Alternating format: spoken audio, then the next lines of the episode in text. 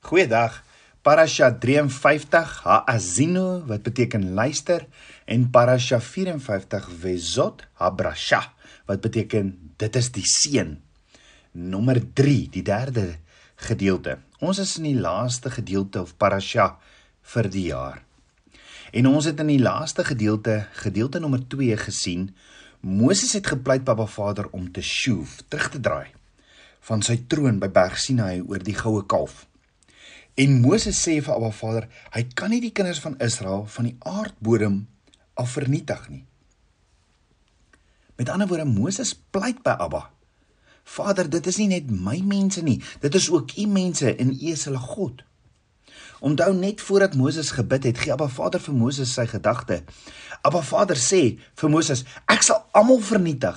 Hulle sal in 'n oomblik vernietig en ek sal van voor af begin met jou Moses." En op daardie oomblik het Moses gebid en toe hy dit doen, begin die gebed in Eksodus 32 vers 11 wat sê: "Maar Moses het Jahweh se God om genade gesmeek en gesê: "Waarom o Jahweh sou u u troon ontvlam teen die volk wat u met groot krag en met 'n sterke hand uit Egipte land uitgelei het?" Moses het Abba Vader sy God gesmeek. Maar dink gou-gou eers daaroor. Hoekom staan daar sy God, Moses se God, asof Abba Vader net Moses se eie persoonlike God is. Net hy, asof dit net hy en God is. Terloop dit is die ene die die enigste keer in die 5 boeke van Moses dat hierdie woorde sy God ooit met verwysing na Moses gebruik word. Nooit sê dit weer dat God sy eie God is nie. Hoekom dit nou sê? Wel, ons kan sê dat die rede daarvoor is dat dit op daardie oomblik die waarheid was. Toe Abba Vader homself van die volk afgeskei het en gesê het ek het niks meer met hulle te doen nie. Die enigste een op daardie oomblik in die tyd wat regtig wat op op daardie tydstip op daardie oomblik regtige verbintenis met Abba Vader gehad het wat kon sê dit is my God is Moses. So kan jy sien hoe die verhaal van die goue kalf verbind is aan die einde van die Torah by Moses se seën oor die kinders van Israel. Onthou aan die einde van die Torah is Moses bekend as die man van God. Enkelvoudige mens, asof dit net een is. Deuteronomium 33 vers 1 sê nou weer en dit is die seën waarmee Moses die man van God die kinders van Israel geseën het voor sy dood. So kan jy sien van waar het Moses die naam gekry, die man van God? By die verhaal van die goue kalf, nê? Nee. Want by die goue kalf het hierdie man van God daarin geslaag om die kinders van Israel weer in verhouding te bring met Abba Vader. Want Moses het vir Abba Vader gesê, dit is almal u kinders, Abba. Nie net ek nie, Abba, bring hulle almal in die land in en bring hulle almal weer terug in 'n verhouding met u. Wat het Moses gedoen? Moses het gepaga. Wat is paga? Paga is wanneer ek intersessie doen. Moses het hierdie mense nie net fisies gered nie, hy het die verhouding tussen die kinders van Israel en Abba Vader herstel toe die verhouding byna verbreek is. Dit is intersessie uit en uit. Intersessie is wanneer ek iemand anders se hand vat in die gees en ek sit dit in Vader wat gees is se hand. Dis intersessie. Die triomf van Moses se gebed was dat Abba Vader die kinders van Israel teruggeëis het. Moses het vir hulle ingetree en hulle almal weer teruggebid in 'n verbondsverhouding met Abba. Maar hoor gaga, die oomblik by die goue kalf was die eerste oomblik dat Moses heeltemal alleen was. 'n Eensame persoon met 'n verhouding met Abba Vader en Moses sê, ek wil nie hê dat dit so moet wees nie. Ek wil nie hê dat al hierdie honderde duisende mense u sin Abba moet wees. Dit moet u sin wees. En dit is die eerste gedeelte van die verhaal wat Psalm 90 Moses se Psalm ons vertel. Maar daar's 'n ander gedeelte van die verhaal waar ons weer eens vir Moses ontmoet en skielik is hy nog 'n keer die een alleen in hierdie eensame verhouding met Abba Vader. Waar sal dit wees? Op 'n diepgaande wyse is hy werklik weer alleen want Moses maak homself gereed om net voor sy dood die kinders van Israel te seën die berg Nebo of soos die Hebreëus hom sal sê Nevo op te gaan en die kinders van Israel te groet. Op een vlak is dit sy grootste triomf want dit is die oomblik dat hy weet dat sy gebed by die goue kalf eintlik suksesvol was. Hy het gebid dat hulle almal soos die sterre van die hemel die land moet ingaan en dit is op die punt om te gebeur. Maar Vader het sy gebed verhoor. Maar tog is hier 'n bedroefdheid en hartseer want nog 'n keer is Moses heeltemal alleen as hierdie man van God. Ja, een man sal nie die land binne gaan nie. En dit is Moses en dit los Moses heeltemal alleen en eensaam. Deuteronomium 34 vers 1 sê: "Toe het Moses opgeklim uit die vlakte van Moab na die berg Nebo en die top van Pisga wat teen Jerigo lê en Jahwe het hom die hele land Gilead tot dan toe laat sien." Met ander woorde, Abba Vader sê vir Moses: "Gaan op teen hierdie berg Nebo aan jou nageslag sal ek die belo beloofde land gee. Ek het jou dit met met jou oë laat sien, maar jy sal daarheen nie oortrek nie. Moses gaan nie die beloofde land in nie, maar maar hy verlaat sy tentwoning die aarde na sy burgerlike burgerlike woning. Soos wat die kinders van Israel hulle tydelike woning verlaat het uit hierdie woestyn vir 'n ewige woning. So verlaat Moses 'n tydelike woning na 'n ewige woning. En dit is amper asof Abba Vader vir Moses sê: "Nee, nee, nee, nee, net jy, jy kom saam met my." En dit is die verhaal wat Psalm 90 ons ook vertel. Ja, die Torah vertel die verhaal, maar dit gee ons ook die feite. As ons na Psalm 90 kyk, vertel dit ons die innerlike geestelike verhaal. Maar Moses moet eers totsiens sê. Ja, voordat Moses die kinders van Israel verlaat, gaan Moses iets baie baie spesiaals doen. Hy gaan persoonlik die stamme van Israel een vir een profeties seën. Maar het jy al ooit daaroor gedink? Abba Vader se woord begin waar Abba Vader die mens geskape en geseën het. Net soos dit gepas dat dit met 'n seën mos eindig. Want hy is die begin en die einde. Genesis 1 vers 28 en Jahwe het hulle geseën en Jahwe het vir hulle gesê wees vrugbaar en vermeerder en vul die aarde onderwerp dit en heers oor die visse van die see en die voëls van die hemel en oor die diere wat op die aarde kruip. Die oomblik toe hierdie seën gespreek was, was Abba Vader besig om 'n tuin voor te berei vir die mens wat die mens moet versorg. Versorg in Hebreëus abad. En wat die mens moet bewaak. Shamar. Nou dat die Torah tot 'n einde kom, berei Abba Vader die kinders van Israel voor om die beloofde land te gaan versorg, Abad, en te gaan bewerk, Shamar. Nou die seun wat Moses, die vriend van Abba Vader oor die kinders van Israel gaan spreek, hou net so ook verband met die seun wat Abba Vader aan die begin oor Adam gespreek het. Om hierdie seën van Moses ten volle te verstaan, moet dit vergelyk word met die seën van Genesis 1 vers 28. So hoe kan die seën van in die begin met die seën aan die einde van die Torah vergelyk word? Eerstens moet daarop gelet word dat die slotseën van Moses oor die kinders van Israel verskil van die oorspronklike seën van Abba Vader deurdat dit nie net oor arm uitgespreek was nie.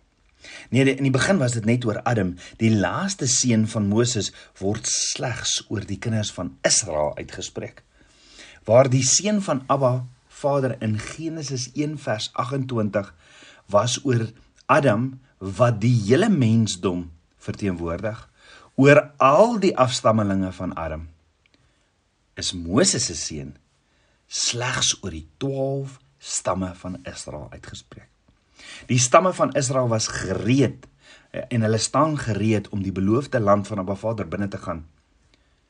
Maar is geskei, is afgesonder van die res van die mensdom. Net soos Abba Vader op die eerste skepingsdag die lig van die duisternis geskei het. Met ander woorde, die afstammeling van Adam is in twee verdeel. Naamlik die kinders van Israel aan die een kant en aan die een kant die ander nasies van die aarde. So beteken hierdie uitsluiting van almal behalwe die kinders van Israel met hierdie laaste seën in die Torah dat Abba Vader die res van die ander nasies afgeskryf het? Nee, glad nie. Onthou dis nog altyd Abba Vader se plan om die wat in verbond saam met hom wil wandel te seën. In Genesis 12 het Abba Vader Abraham geroep en die proses om die mensdom te verdeel het daar begin toe hy dit vir Abraham vertel. Kan jy onthou wat het Abba Vader vir Abraham gesê? Abba Vader het gesê in Genesis 12 vers 1 tot 3: "Gaan jy uit jou land en uit jou familie en uit jou vader se huis na die land wat ek jou sal wys. Ek sal jou 'n groot nasie maak en jou seën en jou naam so groot maak dat jy 'n seën sal wees." en ek sal seën diegene wat jou seën en hom vervloek wat jou vervloek en in jou sal al die geslagte van die aarde geseën word. Jy sien die 12 stamme van Israel is deur Abba Vader aangestel om 'n lig vir die wêreld te wees.